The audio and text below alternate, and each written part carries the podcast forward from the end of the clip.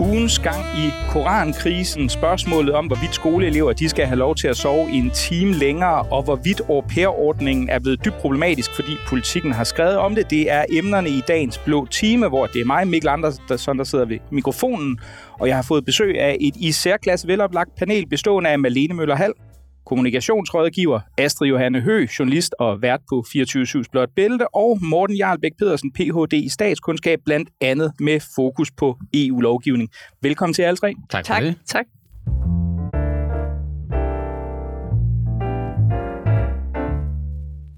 Sidste uge diskuterede vi den igangværende korankrise og regeringens bebudede koranafbrændingsforbud, hvilket vi som end også skal i denne uge, og det bliver da næppe heller sidste gang. I torsdags der annoncerede Mette Frederiksen efter lang tids fravær, både i weekendavisen og i aftenshowet, at hun faktisk slet ikke mener, at bogafbrændinger er en ytring, at regeringen ikke giver efter for islamisk pres, og kort efter viste en meningsmåling, at 48 procent af danskerne støtter koranafbrændingsforbuddet, mens blot 30 procent er imod. Så mens ytringsfundamentalister i medierne, og måske sågar også her i studiet, de kan rase og larmsangkaste med beskyldninger om hyggeleri og dobbeltspil, ja, så ser det ud til, at flertalsregeringen både har sit flertal og befolkningen bag sig, hvilket op meningsmålingerne, der ikke er negativ for regeringen, der også tyder på. Så altså sådan helt kort sagt, ender den her sag ikke med at være en storm i et glas øh, glemt vand om ganske få måneder? Eller ender den måske med at sætte veje i spor i dansk politik? Hvad siger du, Astrid?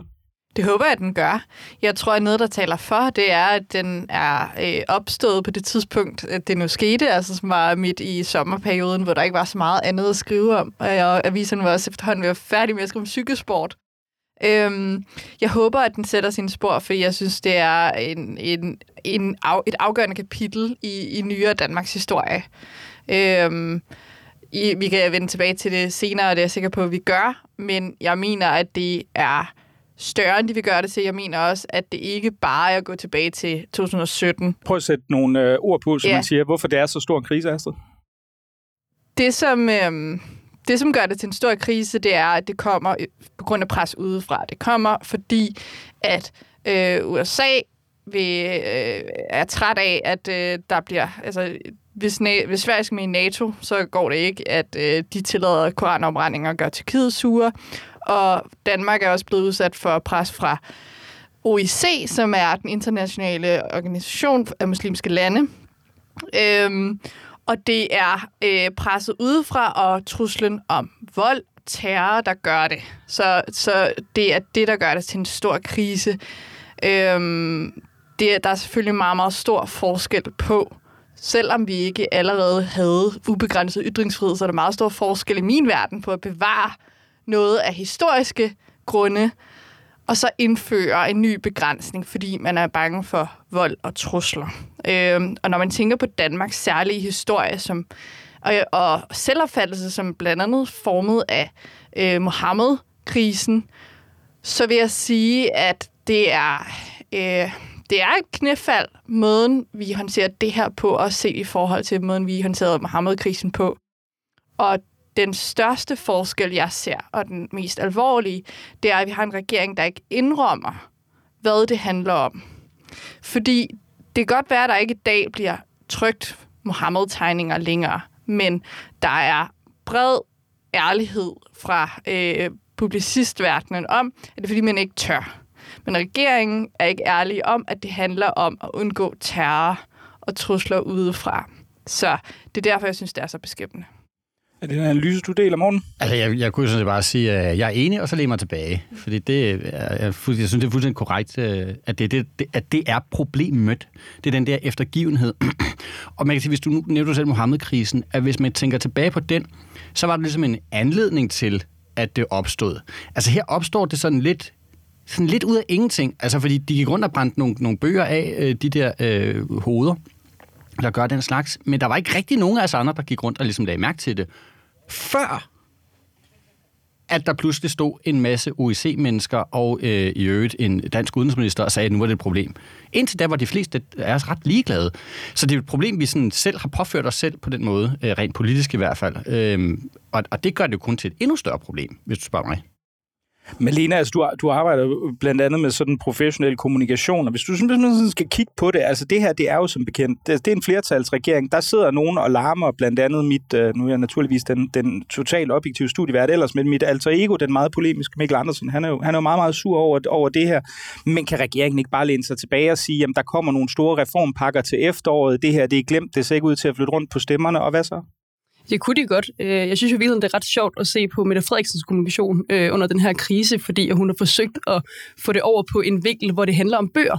Altså hun, hun fokuserer rigtig meget på det her med, at det handler om, at man ikke må brænde bøger af i det hele taget. Og så snakker hun lidt om, at det er fordi, hun elsker bøger og har det forhold til bøger, som hun har. Og hun synes jo i virkeligheden, det er nærmest, at alle bøger er hellige, og hun får helt ondt i maven, når hun skal smide en bog ud. Eller sådan, altså hun prøver virkelig at få det over, så handler om noget helt andet.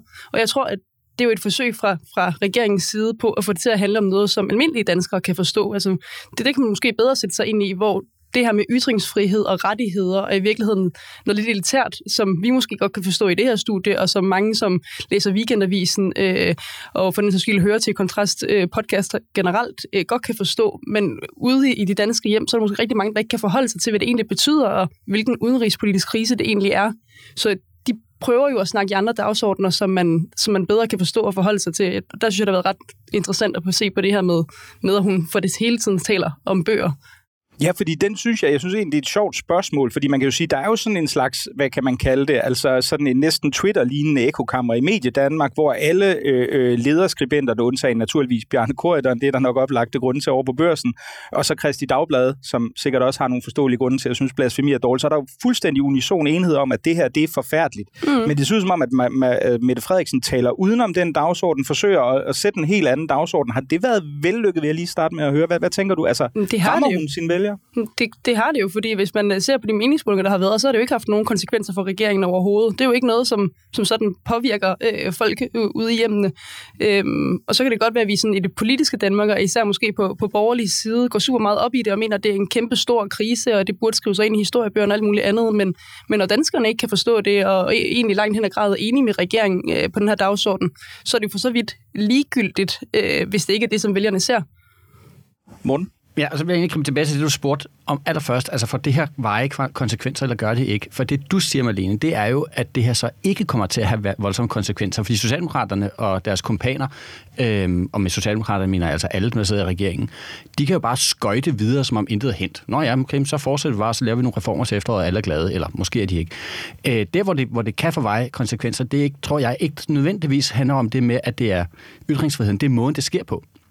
Fordi, øh, ja, Mette Frederiksen taler udenom, men hun taler ikke bare udenom. Altså, det, det foregår jo på sådan, med halvbagte sandheder, og øh, er på, altså, jeg vil næsten sige på forløjet basis, hvilket er blevet påvist igen og igen. Altså, når hun sidder i aftenshowet foran alle danskerne og siger, at det ikke er en ytring at brænde en bog, hvilket det har været fuldstændig entydigt i enhver form for jura siden Gud ved hvornår. Altså, det, det, det er jo det stedet forkert, og lodret forkert. Øh, tror jeg kan få nogle konsekvenser, fordi det, øh, altså ikke øh, direkte, men indirekte, fordi det er med til at skabe endnu mere mistillid, øh, både til hende og til regeringen og til hele det politiske system, når folk går, altså når man, man gradvist går op for en, at hele det her igen er noget, der bliver trumlet igennem på et forløjet basis. Mm. Ja, og jeg vil bare øh, nævne et, et par andre af de der halve sandheder. Der er også det her med, at det bliver ikke en øh, genindførsel af blasfemiparagrafen. Der er en dom fra 2015, som entydigt tolker det som, at det var faktisk det eneste, man ikke måtte. Og faktisk så er det sådan, at koranafbrændinger og afbrændinger af andre hellige bøger blev faktisk tilladt, hvis det var som politisk eller kunstnerisk manifestation. Så vi skal ikke bare tilbage til 2017. Vi skal meget, meget langt tilbage, for vi miste så meget. Altså, ja. Firoze Basraf ja. som, som jo ja. for nylig har, har revet Koranen på et rivejern, har ja. jo også makuleret den tidligere. Det, det er mere tilsyneladende mere, mere hendes ting, og det, det bliver faktisk anmeldt og undersøgt øh, øh, af, af myndighederne, der, der afviste at rejse tiltale i mm. forbindelse med det, fordi det var en kunstnerisk manifestation, så man kan vel næsten argumentere for, at hvis du reelt mm mm. gør det her og også kriminaliserer det i en kunstnerisk samling, så vil det jo være en mere stram lovgivning, man ender med at få nu end hvad straffelovrådet mm. vurderede tilbage i, i 2015, som, uh, som, som du korrekt siger. Og så en, en halv sandhed til, og det er øh, Jakob V.H. Holdermann, der har skrevet om det her. Det er, det Ja, er jeg skal lige sparke ind. Han er Ja. ja. lektor i retsfilosofi ved Københavns Universitet, hvis jeg husker rigtigt. Jeg Lige tror, jeg, tror præcis. han er professor, hvis jeg ikke husker lige det forkert. lektor. Nej, øh, han, han er det var ja. en fejl, han blev beskrevet som professor. Nå, okay. Øh, nej, men han har også sagt, at det, det passer heller ikke, at Danmark står entydigt ubeskyttet øh, i, i forhold til de lande, vi normalt sammenligner os med. Det kan man også øh, selv øh, læse, hvis man er i tvivl. Bare for at sige, at ja, det er fuld af halve sandheder, der bare bakke det op. Malene? Jeg, jeg er jo enig med jer. Det er ikke, fordi jeg ikke mener, at det får konsekvenser. Det tror jeg helt sikkert, det gør, og det gør det jo også ude i verden i forhold til de interne kampe, som udspiller sig i mange muslimske lande. Øh, Så på den måde får det konsekvenser. Men sådan set fra et vælgerperspektiv og et politisk perspektiv, så har jo de jo lykkedes med den kommunikationsfortælling, som de har lavet. Fordi ja, så sidder hun i aftenshowet og kommer med halve sandheder. Problemet er, at der er rigtig, rigtig mange danskere, der ser aftenshowet og tror på, hvad Mette Frederiksen siger. Og måske så ikke læser den øh, korrigation, der så kommer i Deadline eller et andet sted efterfølgende. Så på den måde så når de jo igennem med den fortælling, som de gerne vil igennem med, og på den måde får det jo ikke konsekvenser, hvis vælgerne så ikke kommer til at stemme efter Nej, men det. det kan jo have politiske konsekvenser på den måde, at alle de andre partier altså igen og igen bliver bekræftet at her har vi at, at gøre med nogle mennesker, som er i særklasse lighed, øh, ligeglade med enhver form for ordentlighed, og enhver form for øh, sandhed, og enhver form for realisme i deres øh, ageren. Og det kan jo godt være, at så længe den regering sidder, så kan de være fuldstændig ligeglade med det, fordi de har øh, et, øh, om et snævert flertal. Men det er så godt, vi har haft et folketingsvalg, og tingene ser anderledes ud. Så kigger man over på dem og tænker, ah, hvordan var det, det gik sidst? Altså, og der må man håbe, altså det kan godt være, det er et naivt håb på min side, men man må jo håbe, det har en eller anden form for konsekvens. Altså, men der er, det, der er desværre vel også, at det umiddelbart er svært at forestille sig, hvis de faktisk knæsætter det her. Du kan man ikke, næsten ikke forestille sig nogen teoretisk regeringskonstellation, hvor ikke et af de partier, som har været med til at ved, altså vedtage det her, vil, vil komme til at indgå. Så, og realistisk set, hvis man nu skulle være kynisk, kunne man sige, selv hvis de partier, der har været modstandere får flertal, tror vi så på, at øh, de kunne finde på at afskaffe den her lovgivning igen øh, efter det her cirkus? overhovedet ikke. Problemet var, at altså, Venstre sagde jo så det samme med rigsretssagen, øh, og at det handlede om halve løgne og sandheder. Altså, de har jo også været med til at afskaffe blasfemiparagrafen. Så på den måde, så det handler jo om magt. Øh, og hvis man når til magten på et tidspunkt, så kan det være, at man ændrer mening. Så kan man have nok så mange principielle standpunkter inden. Men hvis man ikke fører det igennem, når man når til magten, så betyder det jo så ikke så meget. Mm. Man kan også læse et interview med øh, Hummelgaard i Information, hvor han forsøger at beskrive den her nålestiksmanøvre, som de, deres spinmaskine har døbt det. Men hver gang journalisten går ham på klingen, og så spørger, jamen, skal vi så også have et forbud mod at brænde øh, øh, det kinesiske flag ved Tibet-demonstrationer? Er der andre, altså... Øh, hvad hvis en iransk kvinde ønsker at brænde Koranen i protest mod det styre, hun er flygtet fra? Skal det så også være ulovligt? Og der er ingen svar. Og det er jo et tegn Udover på... at han konstaterer, at, øh, at enhver form for øh, afbrænding af, af bøger er jo er per definition skændigt og, og bør forbydes Ja. nærmest. Og det vil jeg sige, det er altså en uskik i sig selv, der er trådt ind i debatten med det her. Det er, at regeringen igen for at tale udenom, begynder at være smagsdommer. Og så er det pludselig magthaverne, der skal vurdere, hvad er det retfærd, den retfærdige begrundelse for at brænde noget eller lave en manifestation, og, og hvordan er det smagfuldt. Altså. Morten, jeg ved, du, du har også læst øh, det her Hummelgaard-interview, øh, og, og man kan sige, du er jo, ikke- du er jo øh, Ph.D. i statskundskab, men altså, du har beskæftiget dig temmelig indgående med, med juraen, og du sidder og kigger på det her interview, fordi jeg må indrømme, jeg er i den grad ikke jurist, jeg er historiker og journalist, men, men jeg sad og tænkte, det her, det ligner jo et, et, et trafikuheld i slow motion. Altså, hvad er det? Jeg, jeg blev næsten mere forvirret, end jeg, end jeg egentlig var, da jeg, altså, da jeg begyndte at læse artiklen efter færdig læsning, fordi det var så flagrende, og det var, skal jo ikke komplementeres uh, informationsjournalistik, det var, det var noget virkelig, nogle virkelig fine spørgsmål, der fik, der fik stillet det. Altså, hvad peger det her i retning af? Altså, kan det i det hele lade sig gøre at kodificere det her på nogen meningsfuld forstand? Altså, øh, da jeg øh, kom herhen, øh, på vejen herhen, øh, der, der gik jeg sådan og tænkte for mig selv, øh, hvordan skal jeg selv, for jeg tænkte nok, at du ville spørge til lige præcis det interview der med Hummelgaard, og jeg, så jeg gik og tænkte for mig selv, hvad skal jeg, hvordan skal jeg beskrive den oplevelse, det var at læse det? øhm, og, og jeg øh, legede sådan lidt med nogle formuleringer, jeg tænkte, de går godt, når man går til en podcast, så skal man sige noget lidt smart, ikke? Øhm, og, og det bedste, jeg kunne komme på, fordi så kreativ er jeg nogle gange, eller det modsatte, det var, at det gjorde det sted ondt i min hjernebark at læse det der, af lige præcis de årsager, du oplister der. Fordi han er ikke i stand til at beskrive på noget tidspunkt, hvad er det for en nålestiksoperation, de ønsker at foretage. Og det, det så ender med, det er, at han beskriver alle mulige forskellige operationer, som alle sammen skal rummes på samme tid. Og så er det ikke tale om en operation, så er det tale om altså, en syndflod af, af, af forbud på en gang. Øh, og, og det, det er nærmest umuligt at, øh, at formulere det. Altså, det er meget nemt at lave et forbud mod øh, øh, koranopbrænding rent juridisk. Det er bare at skrive en lov, hvor det står, det er forbudt at brænde Koranen. Punktum.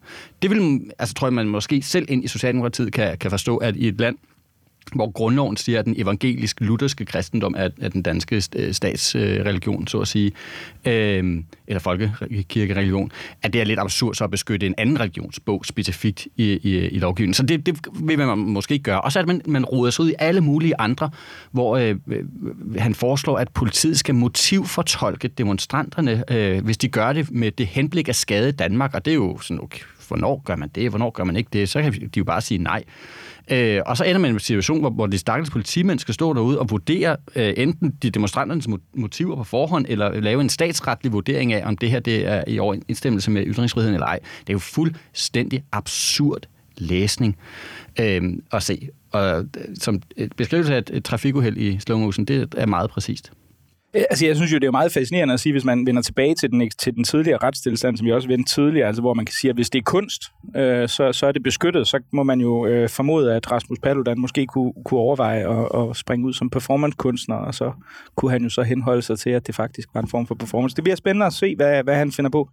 Men Malene, en enkelt ting, jeg, jeg måske også tænker på i forhold til det sådan mere politiske, det er, at det ser ud lige til lige nu, at, at den her regering, som jo egentlig ellers har forsøgt at være sådan nogenlunde inddragende, stor bededag måske som den store øh, undtag, så har de jo forsøgt egentlig at lave nogle inddragende forlig. Her ser de, så vidt vi kan se lige nu, ud til kun at få støtte med sikkerhed i hvert fald fra, fra Alternativet, Øh, måske med de radikale, det tror jeg ikke engang, de ved selv. Så vidt jeg hører, så er de ved at rive hovederne af hinanden internt i partiet i, øh, i skænderi omkring det her. Der er, det er nok også lidt udfordrende, når man er et, et oprindeligt antiklerikalt parti, men vil det være et problem? Altså vil det være et, et reelt problem, hvis det, hvis det ender med, at det er regeringen, der kommer til at, at gå enegang med det her, med, med så øh, Alternativets øh, to-tre mandater, eller hvor mange der de har? Det er et problem, fordi et snævert flertal, de kommer til at have. Så på den måde er det et problem, men i princippet nej. Altså, for nu, de bliver også nødt til at stå fast på det. Nu har de meldt det her ud, så de bliver nødt til, at hvis de skal virke nogenlunde standhaftige, øh, og som om de rent faktisk kan gennemføre noget, så bliver de nødt til at stå sammen på den her dagsorden og få det igennem. Øh, så på den måde kommer det ikke til at være et politisk problem, men det er da klart et problem for dem, også mediemæssigt, at der er så stor modstand, og der har været så stor øh, lydhørhed over for det i, i medierne, som der har været, og det har vundet øh, så meget opmærksomhed. Så på den måde kommer det til at være et problem.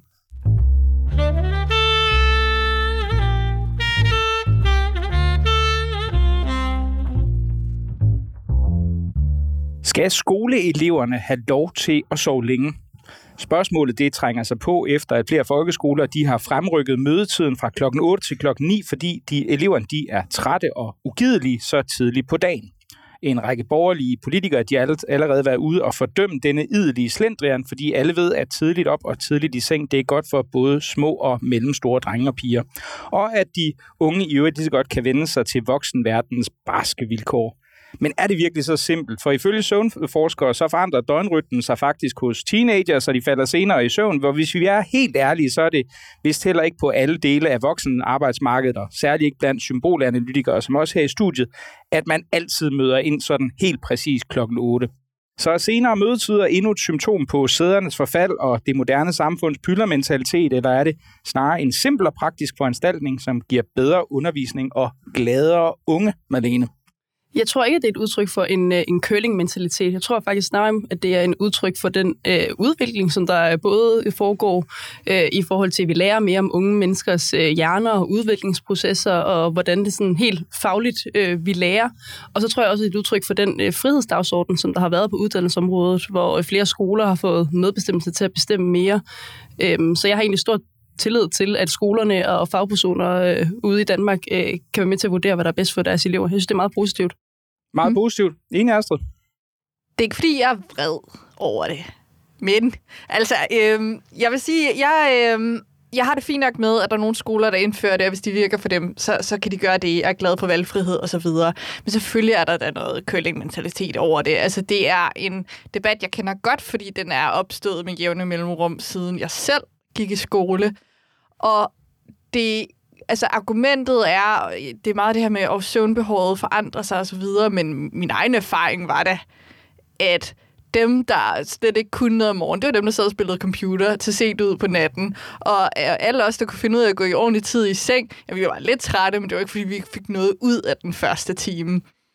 Og så tænker jeg også over, om der ikke også engang var en grund til, at man startede så tidligt, ud over at det var sådan rent øh, en øh, altså, sadistisk øh, manøvre. Øh, altså måske er det også noget med, at der er mange, der har et fritidsjob efter skolen. Så er det måske rarere at slutte skoledagen en time tidligere. Altså, Øhm, så på den måde, så har det måske også en, en praktisk betydning. Øhm, og så er det sidste, som jeg altid kommer til at tænke på, når det her, den her debat kommer op, det er, at hvis vi rykker øh, skole, øh, eller starten øh, en time, betyder så ikke bare, at lige præcis det svage elevsegment, som selvfølgelig er dem, man gerne vil hjælpe, det er jo altid det, der er på spil, men så ikke bare, at de går en time senere i seng, og så er vi tilbage, hvor vi begyndte.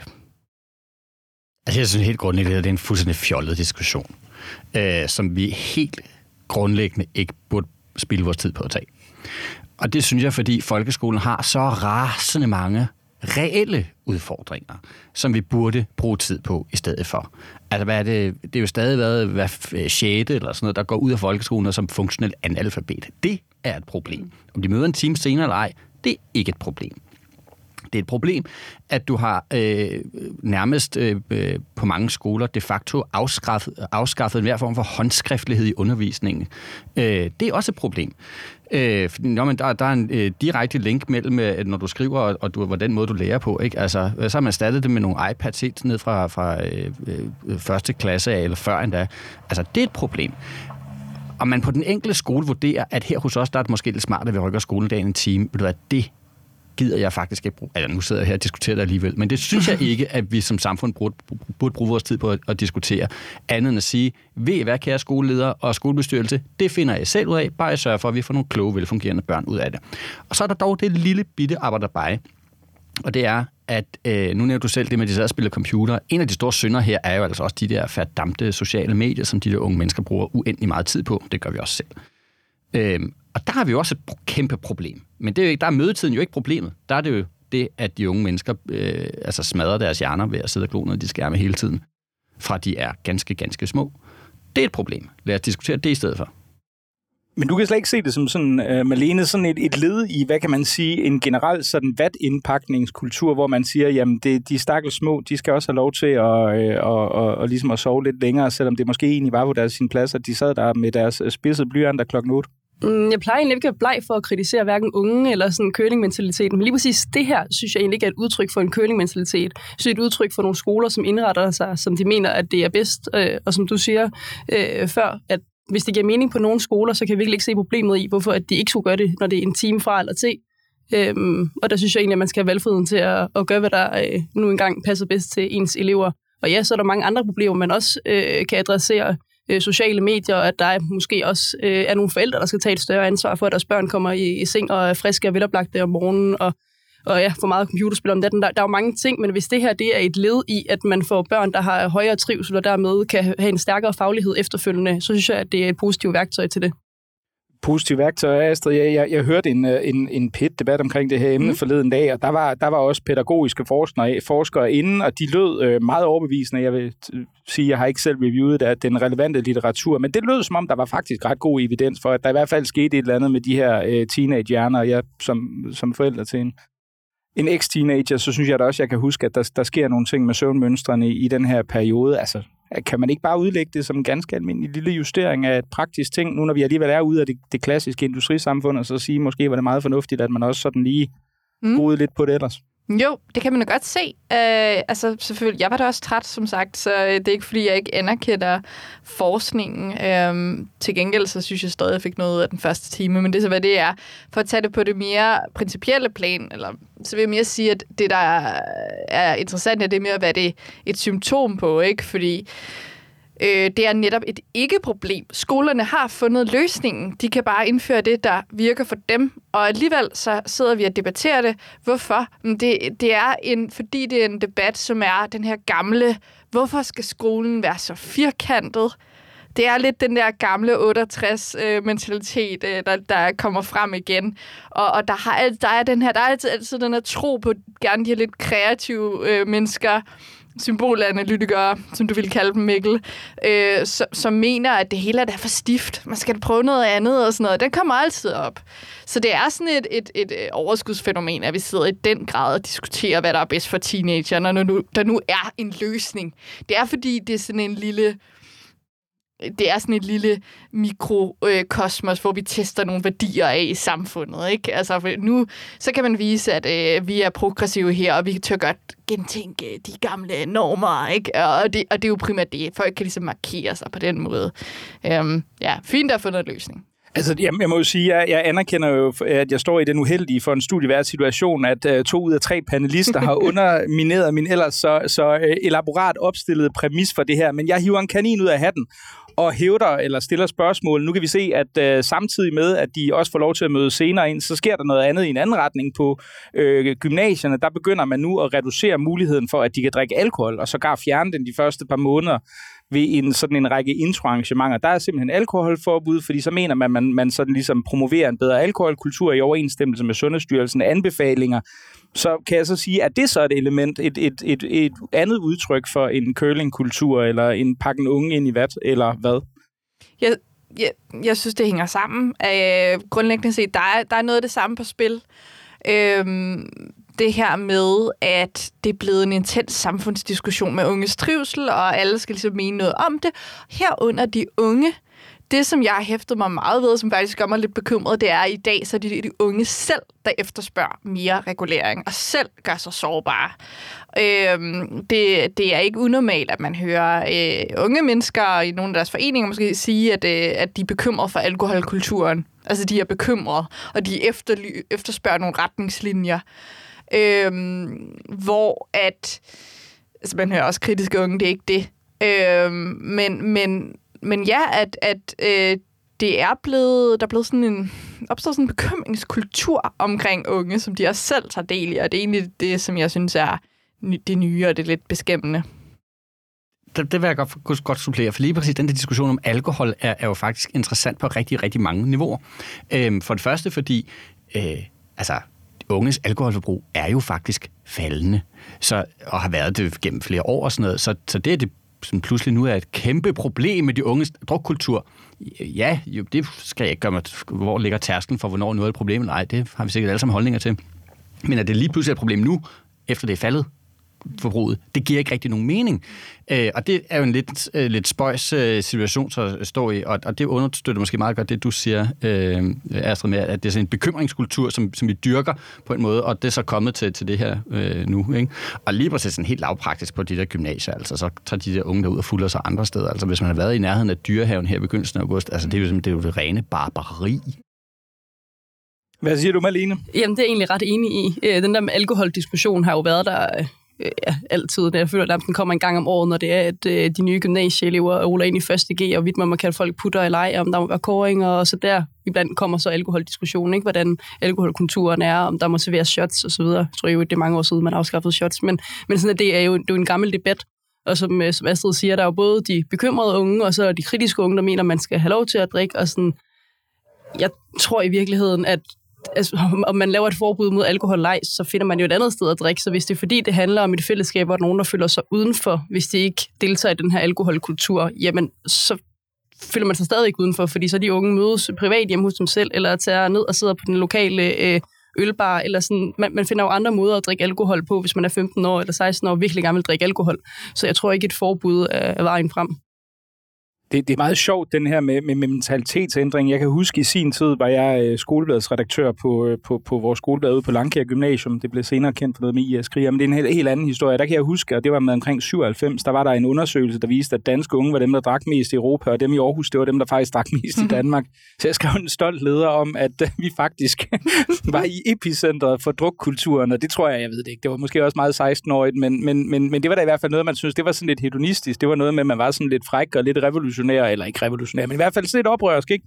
Mm. Og i dag, der virker det som om, at der er en større trang blandt ungdoms øh, sådan generelt i forhold til at sætte grænser og lave bestemte normer og alt muligt andet. Hvor, hvor, hvor kommer den fra? Er det, øh, er det vores, øh, min depraverede generation og dem forud, der måske er skyld i det, Astrid? Hmm. Ja, altså selvfølgelig kan der godt være på spil det her, der er en modreaktion, og et, et ungdomsoprør, det, kan, det må nødvendigvis udforme sig forskelligt, hvis det tidligere ungdomsoprør var noget med at gakke ud og brænde BH'er, ikke? Selvfølgelig, selvfølgelig kan der også være noget øh, med det. det har også noget at gøre med, at, at hvem er det egentlig, vi taler om? Det er dem, der går på gymnasiet. Altså, det er de allermest ressourcestærke unge, og det er bare dem, der er bedst til at komme ud med deres bekymringer og deres problemer. Og det er dem, hvis forældre er bedst til at komme i medierne. Så derfor sidder vi altid og diskuterer de her unge, der egentlig har det relativt godt. Ja, det er, ikke, det er ikke noget, man hører fra erhvervsskolerne i samme grad, ej, men det er måske, det er måske meget på. De har så andre mm. problemer at slås med i stedet for, øh, kan man sige. Ikke? Altså, efter de over 10 er blevet brugt som socialt skraldespand, rent uddannelsespolitisk. Præcis. Det er en anden diskussion, vi, vi kan tage på det, på et andet tidspunkt. Men jeg er helt enig i det, det du siger, øh, Astrid. Det er øh, helt absurd, at, at vi skal bruge så meget tid på at diskutere dem, som, som klarer sig øh, rigtig, rigtig godt, altså hvordan de holder det. En anden ting, jeg tror er værd at hive med i den diskussion, det er, hvorfor, hvorfor tror de unge og begynder at bekymre sig så meget om sig selv? Det er jo fordi, de, vi har tæsket dem de sidste 10-15 år med, at det er synd for dem. Altså, de får det at vide hele tiden, I trives ikke særlig godt. I, det er svært for jer. Og I krænker også hinanden. Og hvis I tager på Roskilde, bliver I voldtaget. Og bla, bla, bla, bla, bla, ikke? Altså, det er hele tiden meget svært og meget hårdt. Der er aldrig nogen, der fortæller dem, I kan sgu godt. Altså. Mm. Hmm, det tror jeg er meget rigtigt. Og så lærer man unge mennesker, at de skal være kritiske og selvstændige, og de skal ligesom have deres egne stemme og være unikke, og sådan, alt det der med, at de skal stå op for sig selv. Som, så de lærer også at få deres egne stemme, hvilket jo både er positivt, men så også medfører, at man tager alle dagsordner og altid spiller over for kortet. Nu bliver det jo bare sådan absolutter, men, men at man giver dem også stemmen til, at, øh, at de netop skal indtage den her opposition. Og så er det jo så paradoxalt, at samtidig med det, at de går rundt nu de i, mm. ubestemt flertal, ikke? Altså, øh, og, og beklager sig og synes, det er meget synd for dem at vil have regler og regulering. Samtidig med det, som jeg sagde, så kan man tage ud i dyrehaven og opleve altså, det vildeste barbari på den her side af Roskilde Festivalen. Mm. Og det sjove ved netop øh, de scener fra dyrehaven, det er jo, at det er de nordsjællandske gymnasieelever, der tager derud. Og så det er altid det, der bliver brugt på, hvor stort et problem det er, men det er jo dem, der har det bedst at dem, der har det bedst, så er det dem, der har det allerbedst. Og i øvrigt øh, kan jeg som tidligere Nordsjællands gymnasieelev fortælle dig, at det er et relativt øh, nyt fænomen. Altså det fandtes ikke i samme, samme omfang dengang, øh, jeg gik gymnasiet. Det er så også 20 år siden. Men stadig, det fandtes ikke. Det er ligesom vokset frem senere hen. Fordi man begyndte at lægge bånd på de strydede fester, der var på gymnasierne, så var der nogle af dem, tror du på Averhøj, der fandt ud af, at så kan vi tage ud og feste i dyrehaven i stedet for. Så er det ligesom bare eksploderet siden da. Og med emnet øh, degenererede mennesker fra Nordsjælland, så tror jeg, vi har fundet den helt perfekte overgang til næste emne.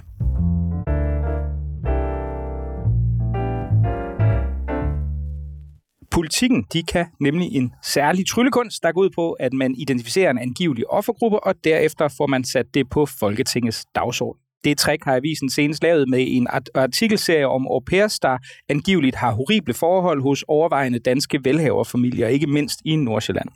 Politikken fortæller, at 35 danske familier har fået forbud mod at modtage en au pair, og nu mener flere partier, at der skal ske ting og sager for ordningen, for hvor man for knap 5.000 kroner plus koster logi og en flybillet, kan få hjælp i op til 5 timer dagligt af en ung udlænding. I praksis er det i alt overvejende grad Filippiner.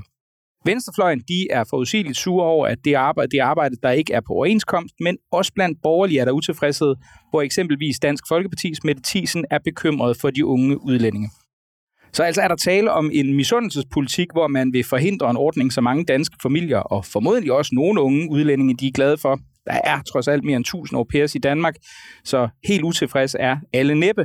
Eller er der tværtimod tale om en ordning, der for længst har udspillet sin rolle som forum for kulturudveksling, og i stedet bare er blevet en genvej til underbetalt arbejdskraft fra tredje verdens lande? Malene? Jamen, jeg har faktisk været øh, lidt splittet på den her dagsorden, fordi jeg øh, i bund og grund synes jeg, at øh, øh, europæerordningen øh, har været meget positiv og øh, hjulpet, hjulpet mange familier og har været med til at være kulturudveksling og har også hjulpet altså mange af de filippinske familier til at kunne sende penge hjem til deres. Og på den måde har det jo været positivt. Så er der så nogle familier, øh, 35 lige specifikt, øh, og så er der også et stort mørketal, øh, som ikke har kunne finde ud af at overholde de regler, der har været, øh, som ødelægger ordningen, men ellers har det jo i høj grad været en succes, som mange har gjort brug af.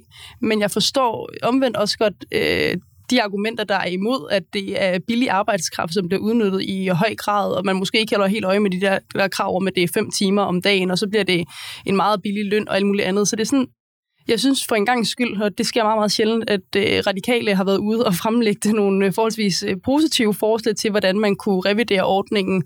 Blandt andet, at så opholdstilladelsen ikke kommer til at øh, følge værtsfamilien, men kommer til at følge europæeren, så hun hurtigt, øh, nu siger jeg hun, det kunne også være en mand, men i fleste tilfælde er det en kvinde, øh, vil kunne skifte værtsfamilie, hvis, øh, hvis hun oplever problemer.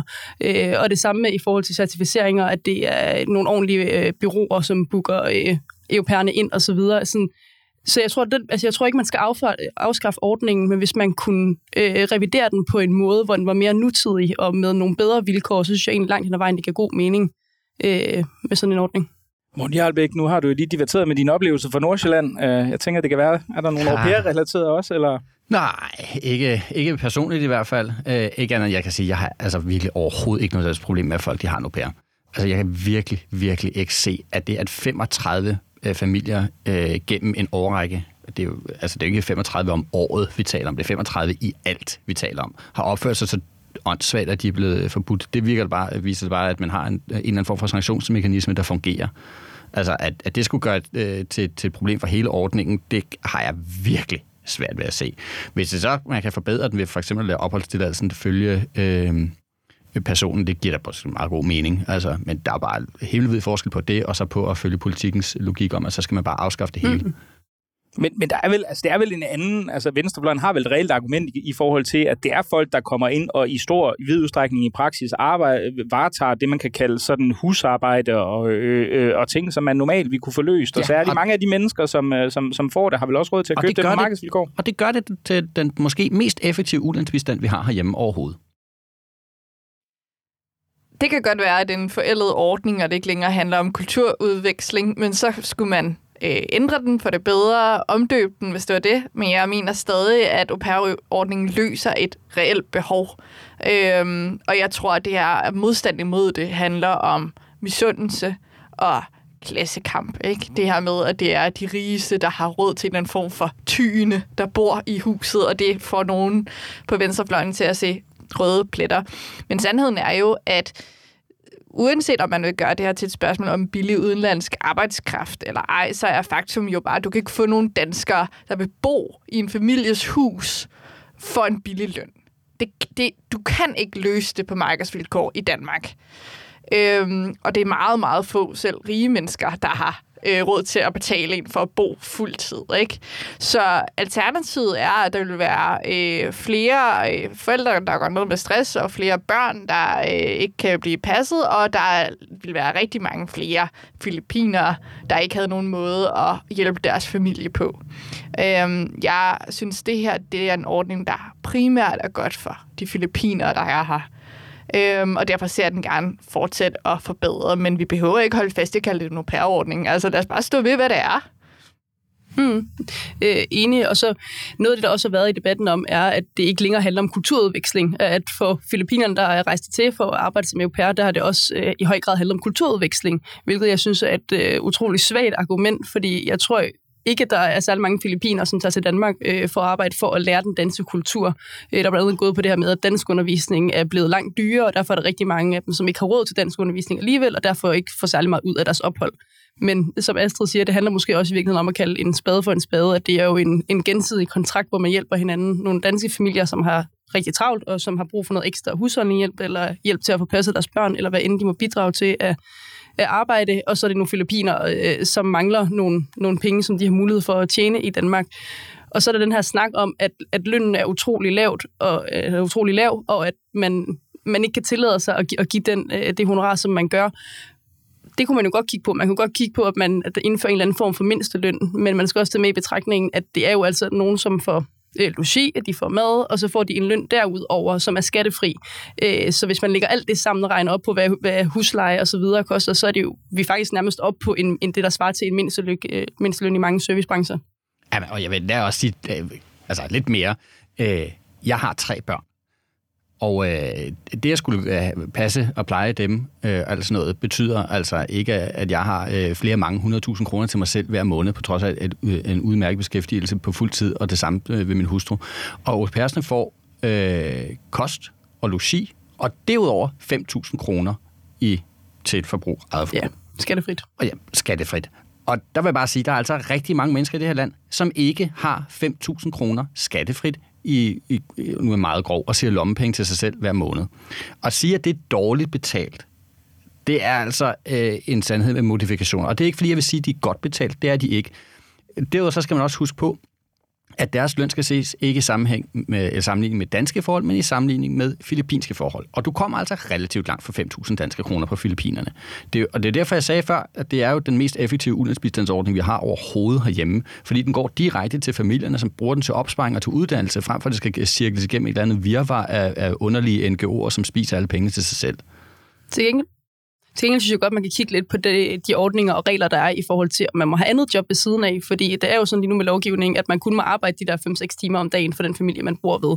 Derfor skulle der jo ikke stå noget i vejen for, at man ville kunne tage et, et servicearbejde eller tjenerjob om aftenen, hvis, øh, hvis det skulle være det, man havde lyst til.